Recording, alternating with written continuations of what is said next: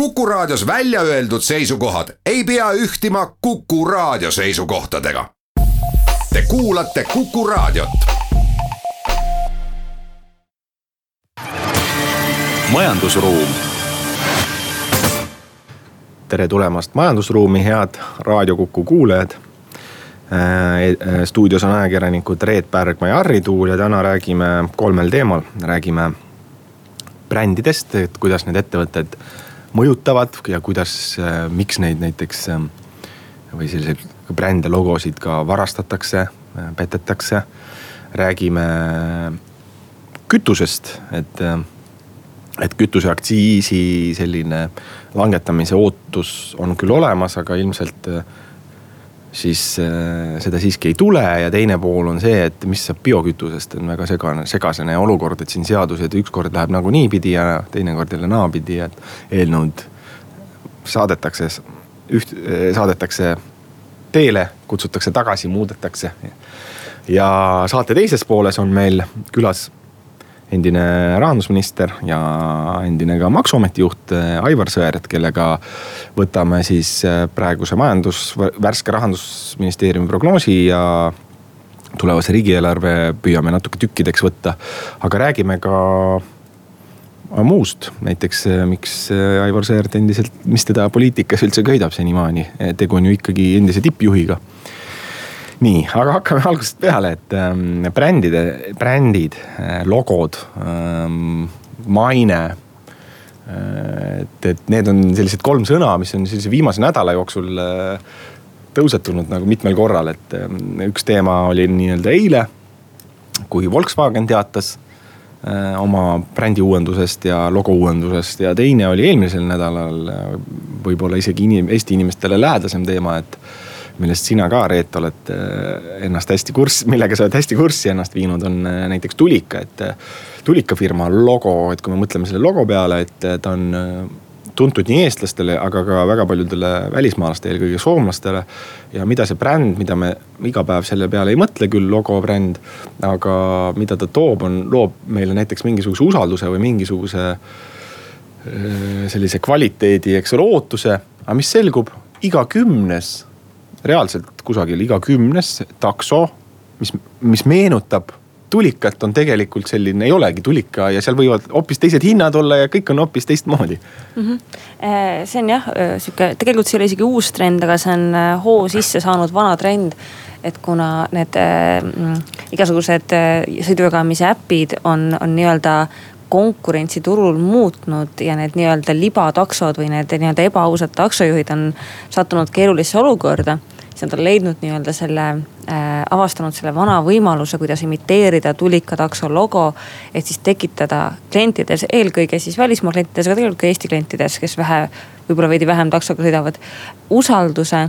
ja siis küsida sõitude eest hingehinde et, et see ongi nii-öelda noh, et kui, kui tavaliselt me oleme harjunud, et nii-öelda imiteerijad või noh, kui sa ostad mingi, mingi brändi imitatsiooni, noh Adidas, Adibas Äh, toote, siis see on odavam kui originaal.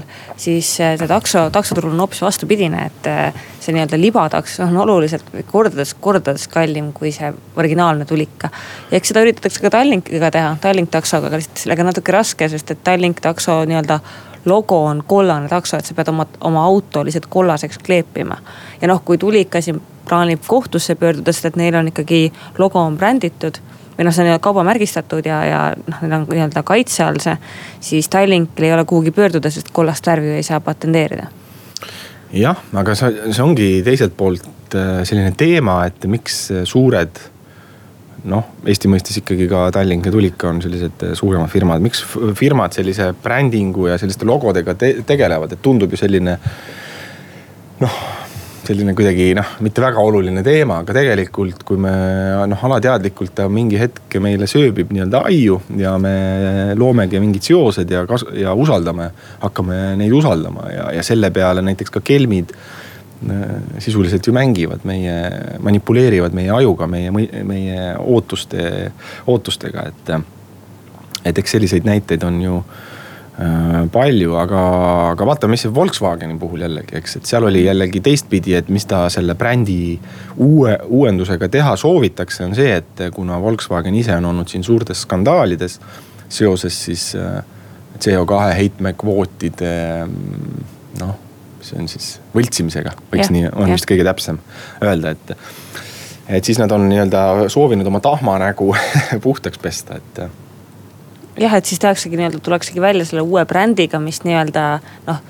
ma kujutan ette, et tarbijale jääbki siis sihuke mulje, et see on värske ja uus ja, ja võib-olla nii-öelda. jah, et meie, meie siis Postimehe toimetuse praegune liige selline reklaami ja brändiekspert Toomas Verrev on väga tabavalt selle lahti ka kirjutanud, et kellel huvi saab lugeda aga et see viimaste aja, aegade trend ongi näiteks logode ja selliste brändide mõttes just lihtsuse mm -hmm. puhtuse äh, suunas, et, et äh, näidata inimestele.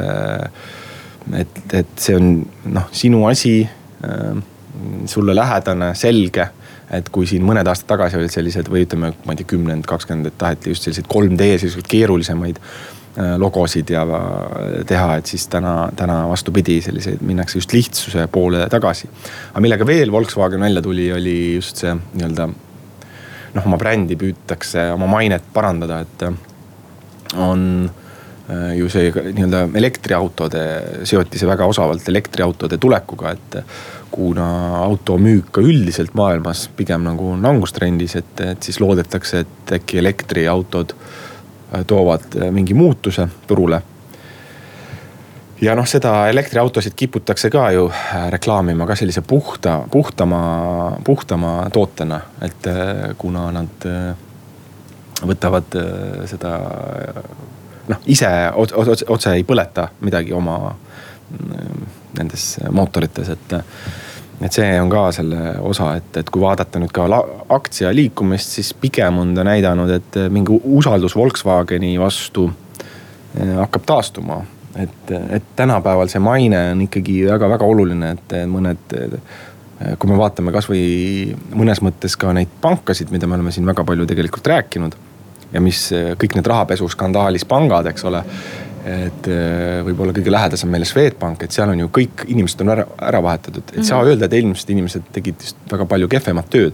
aga on toodud nõukogusse uued inimesed ja see annab sõnumi, et me tahame uueneda, me tahame muutuda nüüd sellel nädalal ongi kõik Danske, Nordea ja Swedbank aktsiad väga tugevalt muuhul, muuseas äh, tõusnud, et, et, et mingisugune äkki usaldus hakkab äh, taastuma. aga kogu selle jutu ma võtan nüüd kokku sellega, et, et, et ongi, et, et kuigi me seda igapäevaselt tähele ei pane, siis maine ja, ja, ja, ja, ja, ja kuvand on alati ettevõtetele olulised, et, et, et me ise ka teeme otsuseid tihti selle põhjal. aga teeme nüüd väikese pausi majandusruum. Jätkame saatega, stuudios endiselt ajakirjanikud Reet Pärgma ja Harri Tuul ja kui enne rääkisime brändidest ja logodest, siis nüüd räägime hoopis kütusest. et ähm, siin enne kui me saate teises pooles lähmegi äh, konkreetsemalt riigieelarve ja prognooside juurde, siis, siis ju pärast alkoholiaktsiiside langetust siin suvel on üks ootus olnud, et äkki ka mm, kütuseaktsiisi võiks langetada, kuna siin naabritel on see madalam. Siis sellele lootusele sellist eh, üks üsna tugev sõnavõtt ja, ja, ja ka tei, teiseks sellised teatud märgid eh, sellelt lootuselt, võtsid selle lootuse ära. et eh, mis siis juhtus, õigemini eile just oli üks konverents, kus siis rahandusministeeriumi asekantsler Dmitri Jegorov ütles, et see oleks väga mõistlik samm ja tõi välja siis selle põhjuse, et, et, et see iseenesest see aktsiis ju selle laekumine pigem nagu paraneb, et, et see mhm. selline, see nii-öelda käänak alla on läbi tehtud juba, et kuigi jah, et tõenäoliselt sellised suuremad äh, transpordifirmad äh, kasutavad ka tankimist Lätis ja Leedus. et siis üldise, üldine trend on ikkagi see, et jätkub et äh, see maksulaekumine pole kuidagi halvemaks läinud ja vastupidi, et kui langetada seda, siis võiks tulla selline tagasilöök. jah, ta ütles, et kui me langetame Läti tasemele, siis väheneks Eestis aktsiisilaekumine vist viiskümmend miljonit eurot aastas ja kui Leedu tasemel, siis sada miljonit eurot aastas. et me ei saa loota ka piirikaubandusel nii-öelda, et, et nii-öelda tullakse meile tankima, sest me oleme tupikriik jah, ja noh, ütleme, need on juba summad, mis on ikkagi väga suured, et kui me nüüd teame, et näiteks. alkoholiaktsiis oli sada miljoni, saja miljoni küsimus. Ja jah, saja miljoni vist isegi mitme, noh, seal ei olnud isegi mitte ei vähenenud, vaid nii-öelda jäi laekumata mm. -hmm. aga see, see antud juhul ta lausa väheneks, eks, et. aga probleem on selles, et kuna riigieelarve praeguse teadmise juures peaks kärpevajadus või õigemini ootuste kärpevajadus, mitte riigieelarve ise kasvab kindlasti, see on äh, raudkindel. küll aga ütleme siis see oot-, ootust tuleks kärpida umbes viiekümne miljoni võrra. Et siis noh, ütleme viiekümne, saja miljoni kusagilt veel leidmine on väga keeruline. ja, ja, ja, ja, ja, ja teine põhjus, mida me tegelikult oleme ka siin saates korduvalt maininud, et miks alkoholiaktsiisi kallale nii ruttu mindi ja miks seda suhteliselt, miks see nii suhteliselt kergesti läbi läks, on selle maht ja selle osakaal eelarves on ikkagi suhteliselt äh, väike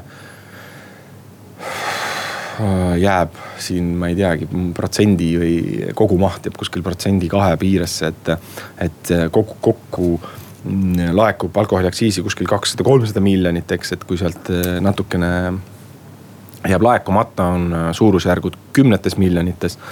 kütuseaktsiisi puhul on see samal ajal, eks ole, üle poole miljardi Äh, kuskil kuussada miljonit äh, loodetakse tänavu äh, teenida, eks ole, et see on kaks-kolm korda suurem. Ja siis ka need puud, võimalikud puudujäägid oleks kaks-kolm korda suuremad, et, et noh, et tänase, tänases olukorras ei tundugi see ilmselt mõistlik, et ilmselt see ei tule lauale, samas äh, alati võib valitsus meid üllatada sest mäletan, et ka kevadel olid väga selgelt, ütleme Keskerakonna seisukoht oli, et näiteks alkoholiaktsiisi võiks lihtsalt külmutada näiteks neljaks aastaks, et mitte mm -hmm. tõsta.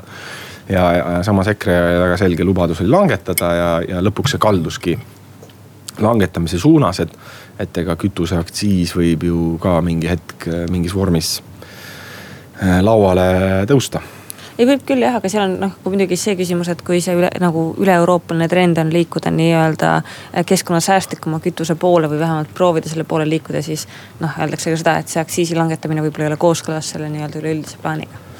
Jah, aga räägime sellest, äh, see teine teema, mis on tegelikult, ma arvan, et paljud äh, kuulajad ajab ikkagi segadusse, et mis toimub selle biolisandiga, et praegu on, kehtib reegel, kus siis peaks äh, bensiinis ja diislis olema mingi osa biokütust, et bensiini puhul on see kuus koma neli protsenti. nii, ja uuest aastast peaks see olema äh, kümme protsenti, nii. aga selle reegli sees on üks erand või noh, nii-öelda erand ja see seisneb siis selles, et äh, praeguse, praeguste reeglite kohaselt, et, et et see ei pea, et sama nõuet sa võid täita ka nii-öelda teiste toodetega, et noh, toome näite, et kui näiteks Circle Gas on siis see biokütus segatud bensiini hulka konkreetselt see kuus koma neli protsenti. Mhm. või, või kümme nüüd jah jah siis äh, Alexela, mis on nii-öelda natuke teine firma, et nemad teevad hoopis niimoodi, et nad müüvad samas tanklas umbes samas suurusjärgus siis näiteks äh, gaasi uh. Mhm. -huh. ja bensiinis endas biokütust ei ole ja nüüd plaan oli äh, praeguse teadmise või veel eelmise nädala teadmise kohaselt äh, pidi, oli eelnõu juba valmis ja äh, pidi tekkima järgmisest aastast ka selline põhi on või? ja ütleme nii, et, et lagi, et vähemalt kuus koma neli protsenti peab sul biokütust nii või naa olema nui neljaks. müü sa seda maagaasi palju tahad, aga kuus koma neli protsenti peab ikka olema, siis nüüd seda. ja eelmisel nädalal oligi meil stuudios Alexela suuromanik Keti Hääl ja noh, siin pärast jäime vestlema, ütles, et ilmselt seda lage ei tule. ja mis nüüd selgus? ei tulnudki. ei tulnudki, et mis, mis tähendab siis seda, et mis uuel aastal meil tekib siis selline või noh, tegelikult on juba praegu aga, aga võib-olla see äh, muutub ka mingisuguseks konkurentsieeliseks olukord, kus meil on osades tanklates on ähm, bensiini sisse juba segatud mingi hulk äh, bio komponenti uh. -huh ma ei tea, siis etanooli vist, jah uh. -huh, uh -huh. ja siis teistes tanklates seda tehtud ei ole. Äh, küll aga nad müüvad samal ajal ka siukseid biokütuseid äh, stiilis gaasi, et äh, ma ei tea, kas see võiks anda ka neile mingi eelise? no see võib anda eelise küll jah, kuigi minu arvates see on nagu loogiline samm, sest et samal ajal, kui meil on see biokütuse seadus, on meil ka see CO2 seadus. mis tähendab seda, et kõik tanklaketid peavad mingid teatud CO2 nõuded täitma. aga see seadus kehtibki niimoodi, et täida, kuidas tahad, kas siis biokütusega või muul viisil, müü gaasi, müü elektrit, mida sa tahad.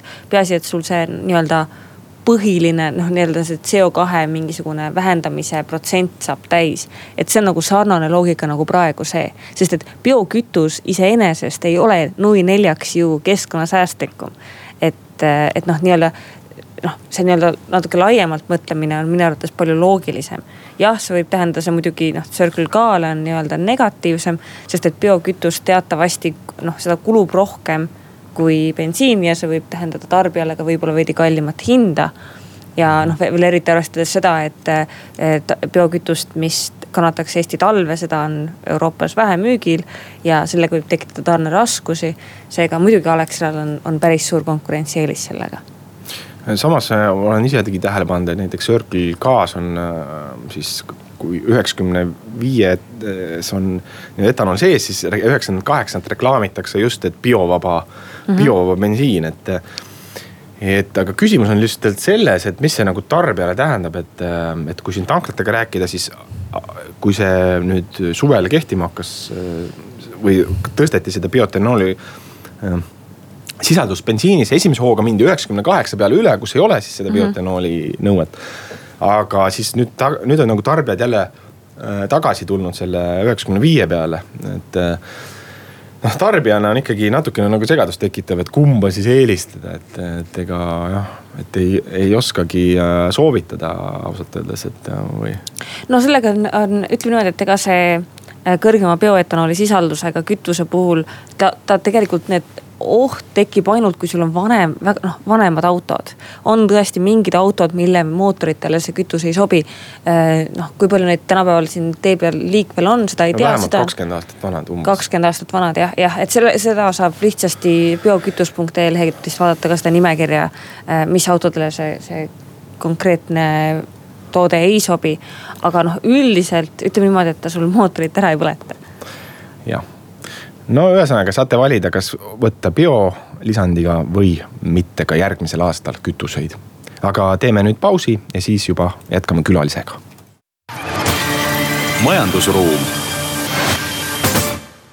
jätkame saatega, stuudios endiselt ajakirjanikud Reet Pärgma ja Harri Tuul ja meil on külla tulnud äh, riigikogu liige ja, ja endine rahandusminister. endine maksuameti juht äh, Aivar Sõerd, tere. Tere päevast no eile oli selline päev, kus siis äh, rahandus, praegune rahandusminister Martin Helme käis ka teile tutvustamas siis äh, majandusprognoosi siis rahanduskomisjon, riigikogu rahanduskomisjoni majanduskomisjonile, et äh, mis teile seal siis räägiti? ega see äh, rahanduskomisjoni ja äh, need kuulamised, ega need väga palju lisaväärtust ei anna. minister luges oma need äh, jutupunktid ette, mis on juba ammu meedias kõlanud. ja ega uusi numbreid me koha peal ei saanud. aga noh, eks me neid küsimusi jõudsime juba esitada, millele lubati meile vastused saata, midagi juba tuli.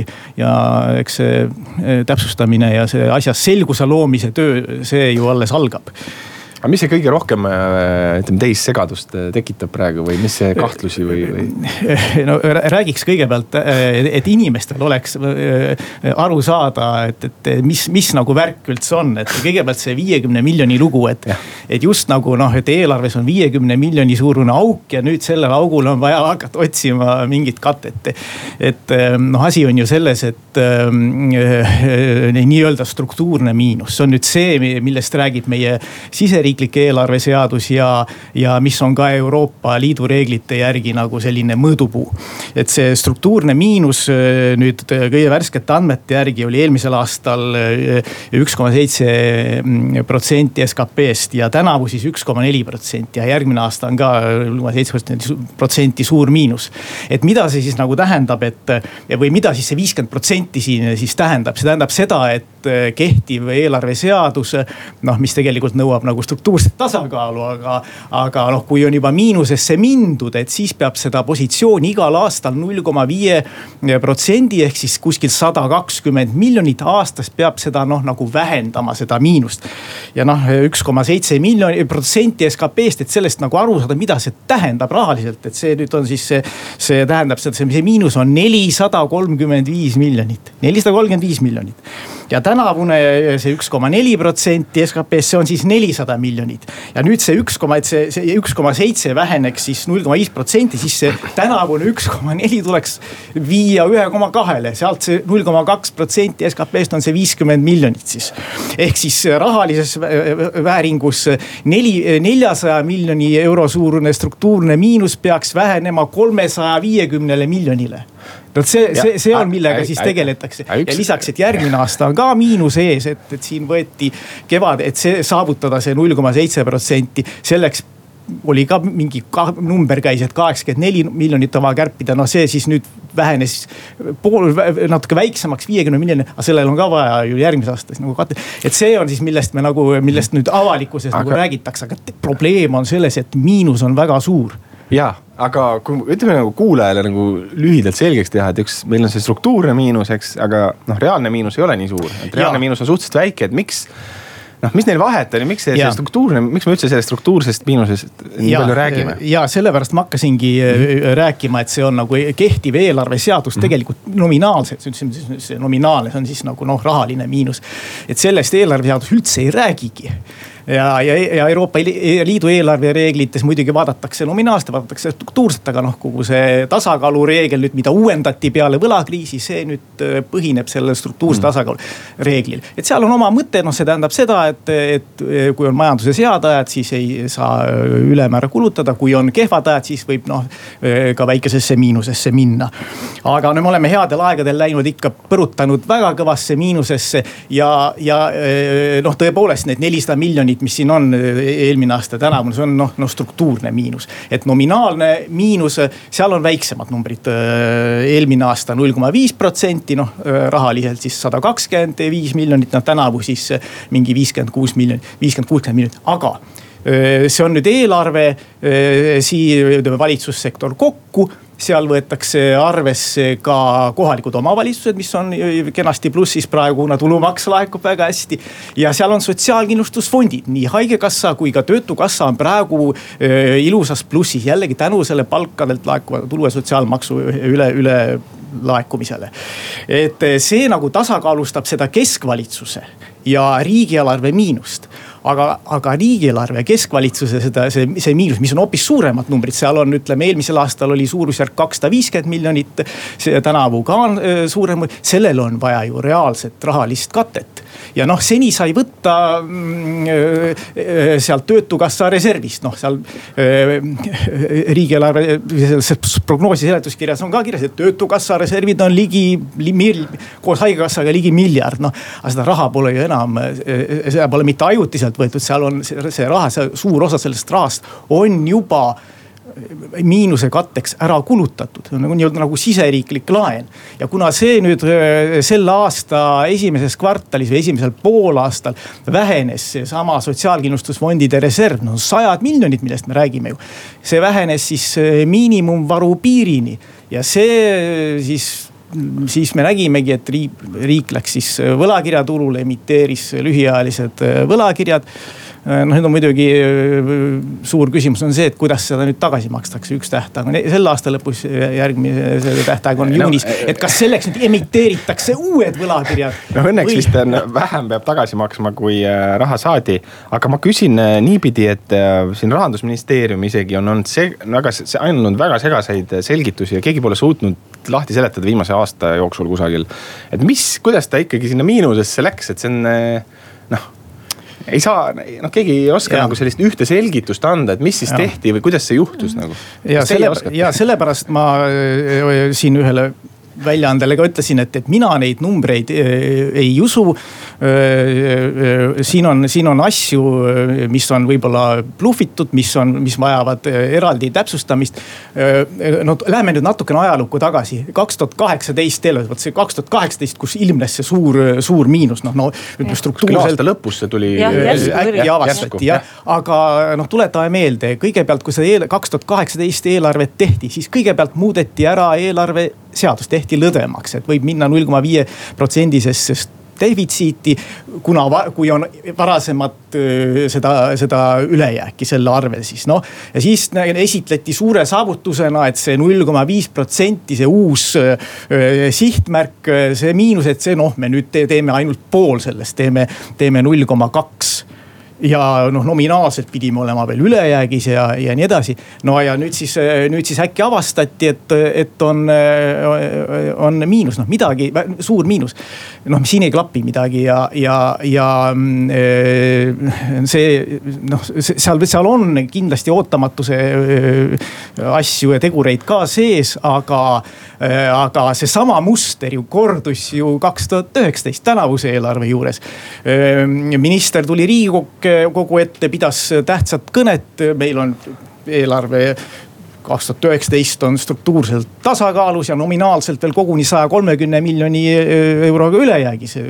no nüüd siis on äh, uus prognoos siin äh, suvel laual ja noh, et miinus, miinused on ükskõik mis positsioonist vaadata, et et sellepärast ma noh, väga tähelepanelikult tuleb nüüd, nüüd nendel kahel kolmel eelseisval nädalal jälgida, et, et mis siis nagu toimub nende numbritega ja mismoodi seda järgmise aasta eelarvet siis ikkagi kokku pannakse ja ja, ja, ja tulebki vaadata, et seal, seal, seal juba noh, minister on ise öelnud, et, et aga no mis, mis mis see viiskümmend miljonit leida ei ole, et, et tee-ehitus, mis saab detsembris valmis, see teejupp, võtame ta arvel jaanuaris, et siis on ta järgmise aasta kulu.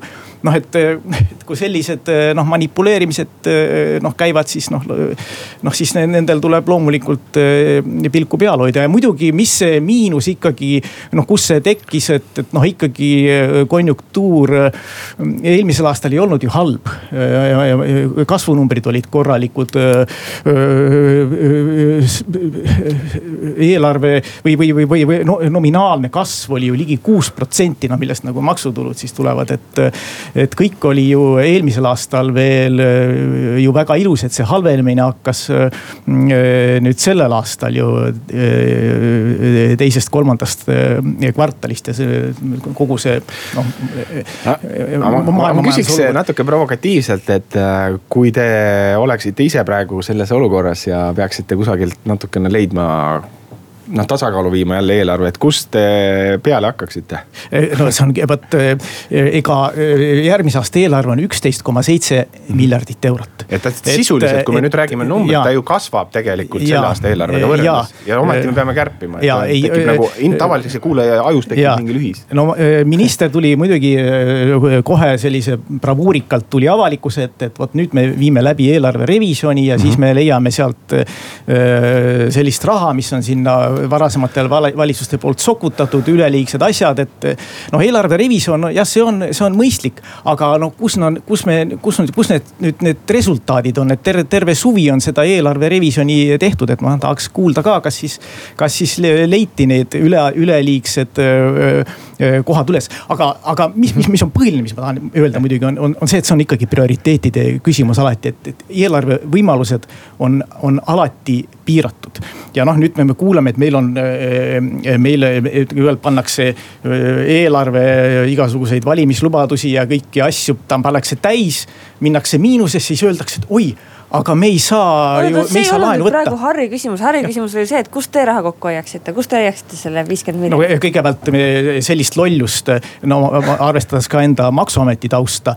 Eh, sellist lollust, et, et minna aastal kaks tuhat seitse, kaks tuhat seitseteist tõsta eh, siin lahjal alkoholil tõsteti ühe aastaga seitsekümmend protsenti aktsiisi, siis veel pandi otsa sada protsenti ühe aastaga aktsiisitõusu. no sellist rumalust, eh, see on ikka, see on ikka noh, nagu, nagu, nagu ajalooline rumalus, et sellise, selle, sinna läksid ju sajad miljonid ju läksid. Äh, kõigepealt me loovutasime maksutulu Lätti ja siis me loovutasime maksutulu äh, ka põhjapiiril. nii et, et, et see, sellist lollust poleks, pole, poleks kindlasti äh, teinud. ja ega noh, noh ongi, ega, ega noh, eelarve läbirääkimised, noh, see on, see ongi omaette kunst ja see nõuab professionaalsust ja tõepoolest laual ongi prioriteedid, ega kui kaks tuhat, kaks tuhat kuus, kaks tuhat seitse meil oli eelarve oli ülejäägis. ega siis oli ka ju kulutamissoove oli kordades rohkem, kui oli võimalusi. ja teeme väikse pausi ja jätkame siis. majandusruum. nii jätkame saatega, stuudios ajakirjanikud Reet Pärgma ja Harri Tuul ja meil on külas riigikogu liige, endine rahandusminister Aivar Sõerd, et kui me võrdleme nüüd, ma ei tea, kas teil on selline vaade, aga ma loodan, et on, et teiste riikidega, et Eesti riigieelarve noh, on kritiseeritud, et ta on suhteliselt lukus seadustega, et eks ole, et mingid kaitsekulud, ma ei tea. lastevanemate pensionid ja, ja, ja, ja ravikulud ja nii edasi, et, et kui teiste riikidega võrreldes, et on see sarnane või erinev? ütleme niimoodi, et, et neid, neid, neid, need, need head aastad, mis on nüüd olnud et siin on riigid noh käitunud noh päris ratsionaalselt ikkagi. kui me, kui me nüüd taandame näiteks need eelarve tasakaalu numbrid primaartasakaalule. on nii-öelda kolmas tasakaalu näitaja, ühesõnaga, kus on siis need varasemate laenude intressimaksed välja arvatud, siis on ju Eesti riigieelarve kas kõige kehvem või vähemalt seal kõige tagumises otsas hmm.. primaartasakaalu näitajad on kõige kehvemad sest meil ei ole, meil ei ole intressikulu, mis on teistel riikidel ja aga samas noh, meil oleme, me oleme miinuses ja noh, riigid on noh, noh ütleme laenukoormus tegelikult, riigid on ära kasutanud neid häid aastaid. ja noh, on, on ikkagi pingutanud selle nimel, et defitsiiti vähendada ja, ja võlakoormust vähendada, noh selleks, et, et noh tekitada noh eelarves öö, mingisuguseid puhvreid, et noh tulevikus investeerida või siis, et noh ka oodatavaid raskemaid aegu nagu üle elada. et mm, noh, see on see üldine pilt, aga no muidugi, muidugi on, on, on riigid, kus on ka noh võlakoormus kasvanud ka headel aastatel. ja noh, see on ohuks muidugi tervele, tervele euroalale. aga noh, siin just sel nädalal es, esmaspäeval olime Haagis. Hansagrupp on selline riikide grupp ja arutasime just neid Euroopa Liidu eelarvereegleid ja noh, teema all oligi nende reeglite kaasajastamine ja, ja ka lihtsustamine aga mida seal kaasajastada või lihtsustada annaks? noh, kõigepealt ega need noh, kõigepealt, et, et need hindamiskriteeriumid oleksid noh üheselt mõistetavad, et definitsioonid oleksid üheselt, üheselt mõistetavad. siis sanktsioonid et noh, kui ikkagi liikmesriik eelarvereegleid ei täida, noh siis on olemas sanktsioonid, noh järgmine küsimus, et kuidas neid sanktsioone praktikas rakendatakse. Ja, ja muidugi mm, jah, sanktsioonid, definitsioonid noh, see ja siis muidugi riikidepõhised soovitused. ütleme, Euroopa Komisjon viib ju läbi liikmesriikide eelarvekavade ja, ja pikaajaliste eelarvestrateegiate hinnangud. ja, ja annab ju liikmesriikidele soovitused, nii eelarvepoliitilised kui ka majanduspoliitilised soovitused. et noh, küsimus ongi selles, et milline see peaks, seal on noh, väga tugev komp-, kompetents on päris tugev, et need on, need on väärtuslikud soovitused ja liikmesriikidel on enda huvi, et nad noh, neid soovitusi täidaksid.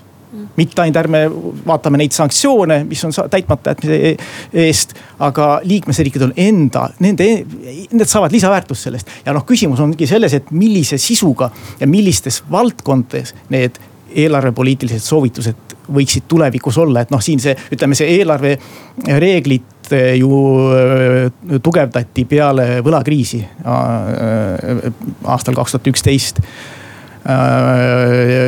ja, ja noh, sellest ajast on päris palju ju, ju, ju möödas, et äh, noh, see olukord kogu aeg muutub, et, et äh, täiesti mõistlik on noh vaadata nendele reeglitele otsa, et kuidas nad siis, et nad toimiksid parimal moel. aga selline paradoks on nii-öelda, et Eesti, Eestil on küll kõige väiksem riigivõlg, aga samas ei saa ka laenu võtta samade reeglite alusel, et kuidagi noh, et kui ma olen tavaline inimene, tavaline kuulaja, eks ole, et kuidas see.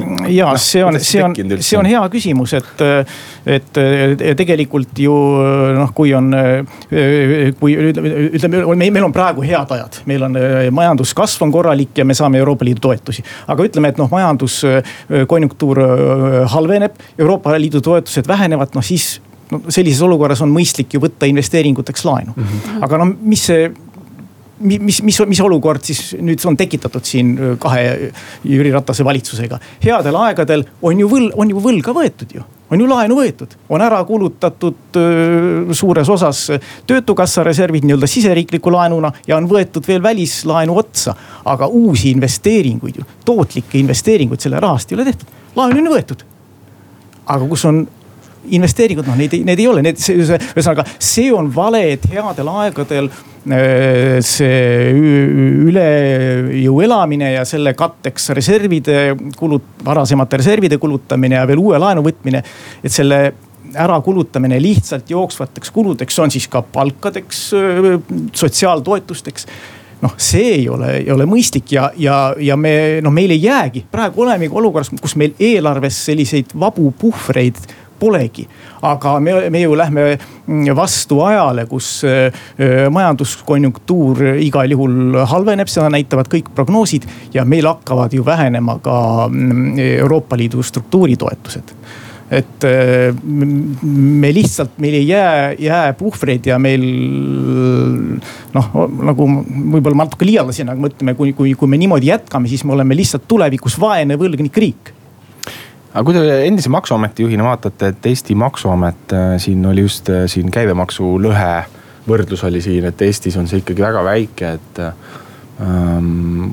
mismoodi meie, kas me korjame põhimõtteliselt kõik maksud ikkagi ära või annaks sealt ka veel midagi, äh, mingit lisavoogu anda? võrreldes Läti ja Leeduga nagu tuli sellest IMF-i sellest, sellest maksuaugu analüüsist välja, no on, on meil olukord parem ja, ja noh, see on ajalooliselt tegelikult on, on noh, meil, meil vara, varimajanduse osakaal äh, väiksem. nii et me noh, tõesti ma ei tea, kas see nüüd, ega see ei ole, see ei ole nüüd selle valitsuse töös, töös on ikkagi ajalooliselt niimoodi äh, selle, selleni oleme jõudnud aga nüüd, kui maksudest rääkida, siis, siis muidugi kui, kui vaadata neid turbulentse, mis olid eelmistel aastatel, siis, siis selli-, see tekitati tohutu segadus ja tekitati ka suur eelarveauk. et, et, et selles olukorras võiks mingiks ajaks olla tõepoolest maksurahu no selge, tänaseks peame ka kahjuks lõpetama. stuudios oli riigikogu liige, endine rahandusminister Aivar Sõerd ja ajakirjanikud Reet Pärgma ja Harri Tuul. kohtume majandusruumis järgmisel nädalal majandusruum